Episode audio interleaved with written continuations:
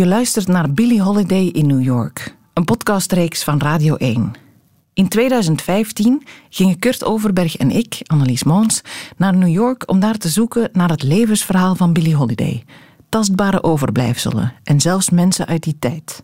In deze eerste aflevering hoor je hoe die zoektocht begint op legendarische jazzlocaties doorheen de stad. Testing, testing, testing, testing, testing, testing. I'm just testing this microphone, testing this microphone right before I go on. Hi, I'm Billie Holiday Jr. I'm the Princess of Jazz. They call me Princess Billie, and I like that. Here in the Kingdom of Harlem. Someone told me, Billie, you need to go over to the Cotton Club and the, uh, the Lennox Lounge and sing. I said, yeah, but I don't be having that kind of money to go in there. He said, well, just try and see when get some money, go there and, you know, ask the man, let you sing. So James Brown gave me the name Princess of Jazz. Because I asked him one day at a record store on 8th Avenue, 125th, Mr. Brown, if Billie Holiday was known as the queen of jazz, did that make me the princess of jazz? And he said, you damn right it do, darling. Don't you let nobody tell you no different. So it's been Princess Billie ever since. So I like that. I never could save a dime. And so I'm living like a queen, acting like a fool, chilling in the sun and laughing at the moon and night. Kurt, we hebben net uh, ja, Billie Holiday gevonden. Hè? We hebben ze gezien. Ze stond hier op het podium van de Cotton Club. Wel, ik was er eigenlijk helemaal niet goed van. Ik, ik, heb me maandenlang op deze trip voorbereid. We komen in Harlem in de Cotton Club. En wie zien we daar staan? Gewoon Billie Holiday. Is, is dat niet ongelooflijk? Ja, ja, Ze lijkt ook op Billie Holiday, hè? Ze is wel geboren van, in Harlem. Uh, ze is uh, ja, zwart. Maar het was eigenlijk niet de echte Billie Holiday. Hè? Ze zei het zelf, de dochter die ze nooit gehad heeft. Billie Holiday heeft nooit kinderen gehad. En niemand kan Billie Holiday eigenlijk evenaren. Hè? Nee, het is onmogelijk om gewoon Billie Holiday te kopiëren. Er was nog iets wat me eigenlijk een beetje tegen de borst stootte. Uh, een van de meest uh, straffe boeken die ooit uitgekomen zijn omtrent Billie Holiday is het boek van Stuart Nicholson. Een heel toonaangevend uh, jazzcriticus. Die heeft eigenlijk kunnen achterhalen dat Billie Holiday nooit in de Cotton Club gespeeld heeft. En meer zelfs de Cotton Club waar we nu zijn geweest, in Harlem, dat was niet de originele Cotton Club. Vroeger konden zwarten ook de Cotton Club niet eens binnen. Met andere woorden, ik denk dat we eigenlijk nog wel aan het begin staan van deze trip en toch nog wel flink wat werk hebben. With the swing, baby.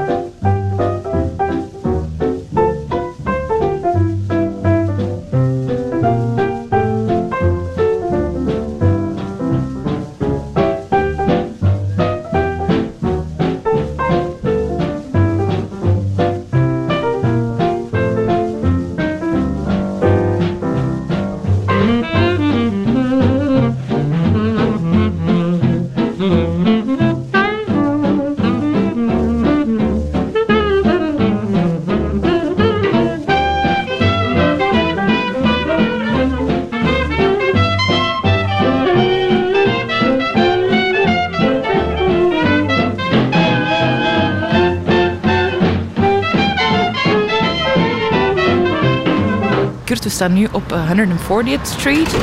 Hier begint het voor ons, maar ook voor Billie Holiday. Hè? Ja, Billie Holiday is geboren in eh, Philadelphia, is dan opgegroeid in Baltimore. Maar haar mama wou eigenlijk een veel betere toekomst voor haar dochter. En zij is naar Harlem getrokken.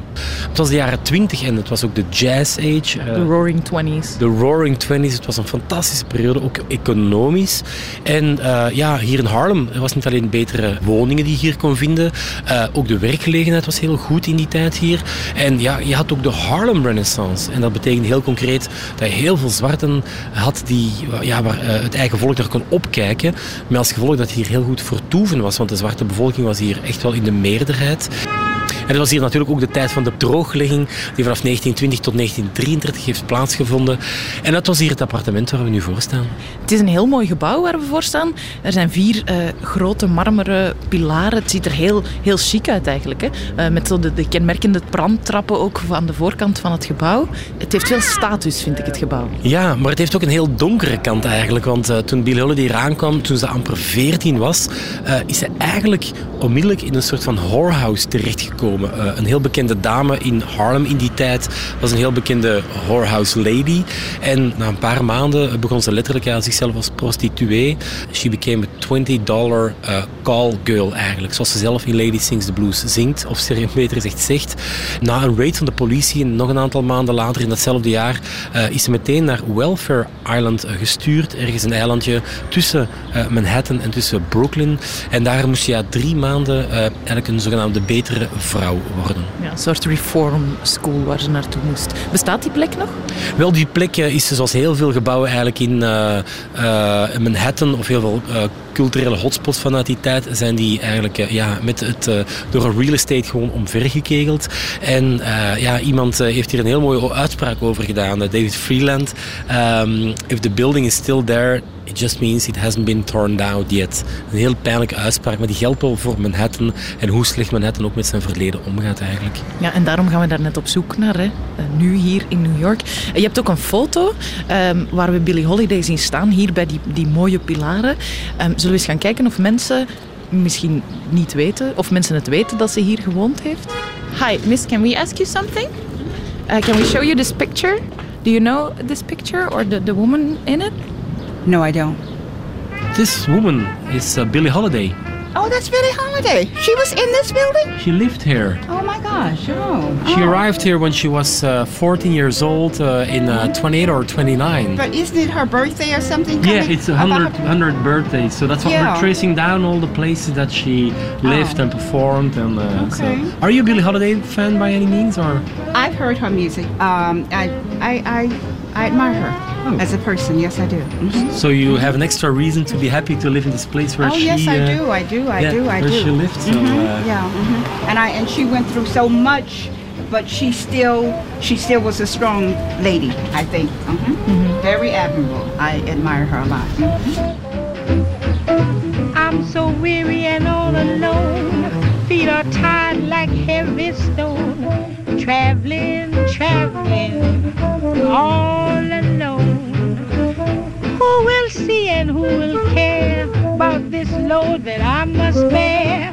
Traveling, traveling, all alone. Prayers I send to heaven above about my burdens, woes, and love. Head bowed down with misery. Nothing now appeals to me.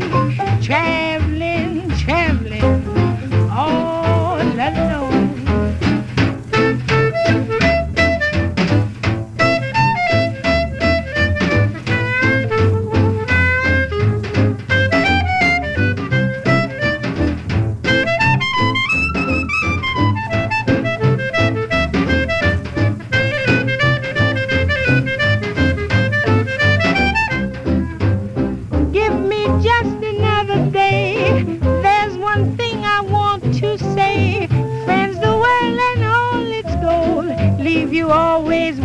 We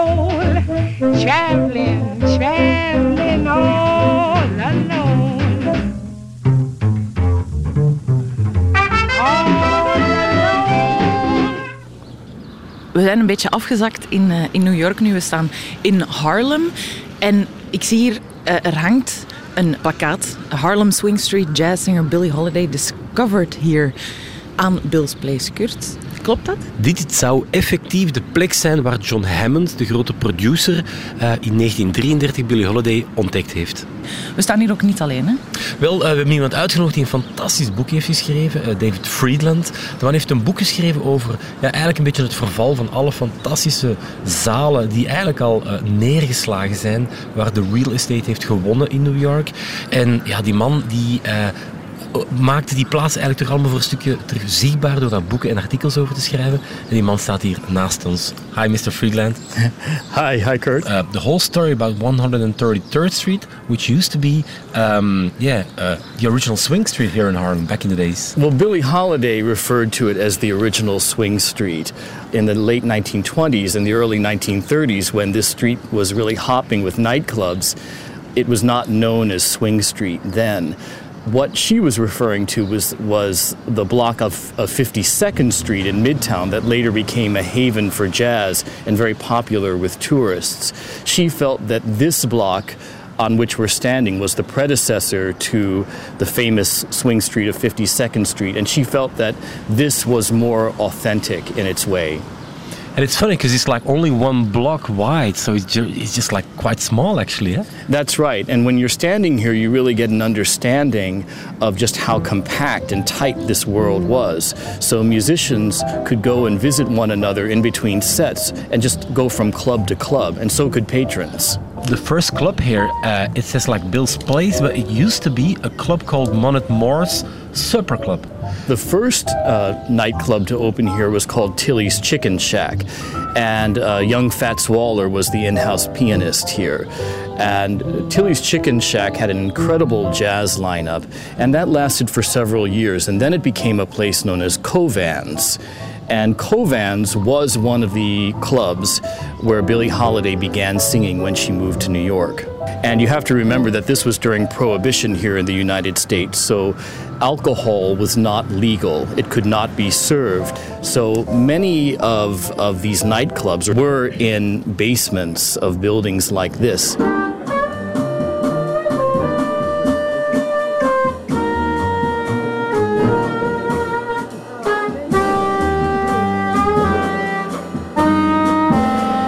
Bill. We're standing here in the heart of your own place, which is called Bill's Place. I just heard you're about to uh, start a petition for a Billie Holiday Street.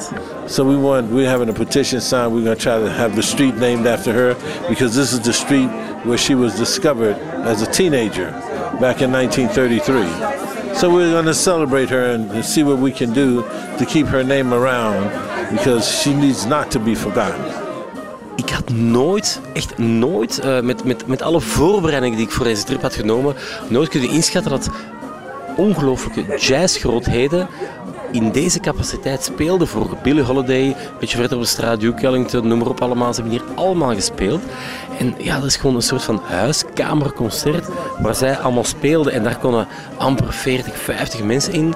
En dan werd de achterdeur nog opengesmeten. Ja, dan konden nog wel 20 man in de tuin ook meeluisteren. Sommige van de instrumenten die werden ook half binnen en buiten, zoals de schuiftrompet, die moest dan half in de tuin.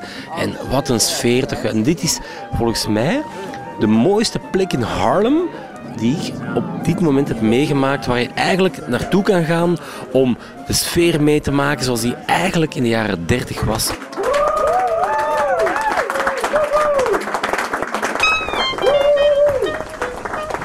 There's one story that you always read about uh, when Billy performed here. So uh, she was singing from table to table, so it was the perfect school for her to learn how to sing differently. And most of the women they picked up, it's it, it's embarrassing. They picked up the money with their vagina. That's a story. I don't, I don't know if that was always literally true, but I have heard that. But she, yeah, she refused that. So that's why all the other singers always called her. Well, the lady didn't want to pick up the money with her vagina. So. I think at a club like this, because, as you say, the audience was so close to the performers, performers had to learn to interact with audiences. You weren't just a singer anymore, you became a real entertainer. You knew how to work off of an audience, how to gauge what an audience was feeling.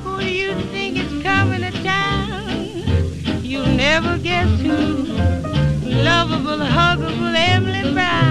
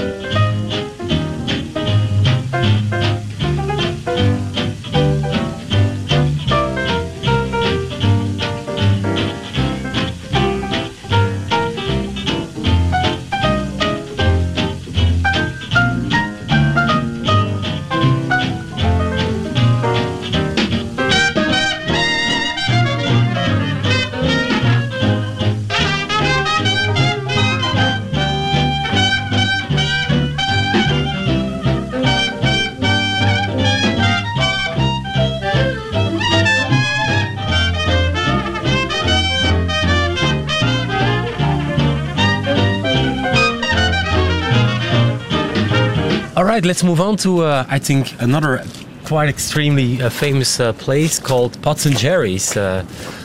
It's um, there's something that strikes me uh, about this street as well. I see two churches, or at least uh, an advertisement for a church, or uh, Billie Holiday, of course, was Roman Catholic, so she didn't really belong to this tradition of storefront churches. But um, that's what many of these sites have become. Many of the spaces, these old nightclub spaces, have been converted into churches, and this one is no different. It used to be Pots and Jerry's. Um, the great Willie the Lion Smith was the house pianist here, and he was, you know, pounding the ivories night after night and really creating this magnificent atmosphere, you know, filled with um, the smell of marijuana, of, of great great food, cooking, and again, it was a very tight, tight atmosphere. And this is where the Billie Holiday that we really know today as a performer, as a myth, as a legend, got her her her real start. In fact, she he felt she had never sounded better in all the years he, he knew her than when she was singing right here. It became like a church in a way. You went to a church kind of happening, worship thing here a couple of years ago. Huh? I did. I went to a, a church service, and it was pretty flamboyant. It was very typical, um, where there's speaking in tongues and a lot of thrashing about on the floor and getting the spirit, and so it's quite a different scene from um, from what Billy would have seen when she was performing here. Two, check. One, two, two, two, two. We zitten nu binnen in de kerk en het is al niet zoals het thuis is, hè? Nee, moesten de misvieringen zijn eh, in Europa of in België, zoals hier in Harlem, het zou fantastisch zijn eigenlijk. eh. Maar je ziet echt een, al een hele full band klaarstaan. Ja, Sweet eh, staat hier een half koor voor ons te zingen in deze toch wel relatief kleine kerk eigenlijk.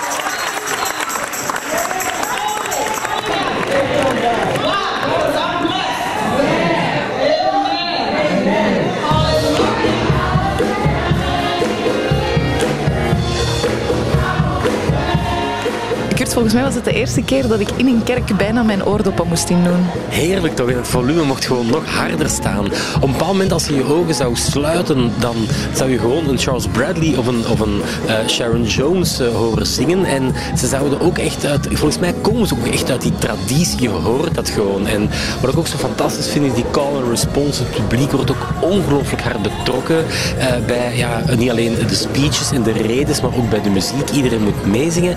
En wat ook heel mooi is, sommige mensen gaan zo hard op in het woord, in de speeches, dat je eigenlijk ze bijna buiten zichzelf ziet treden. En het mooie is dat dan ook dat er letterlijk een soort van verpleegster eigenlijk naar hen komt om hen direct zakdoekjes te geven, om hen direct eigenlijk ja, water te geven, om hen een beetje terug at ease te doen voelen.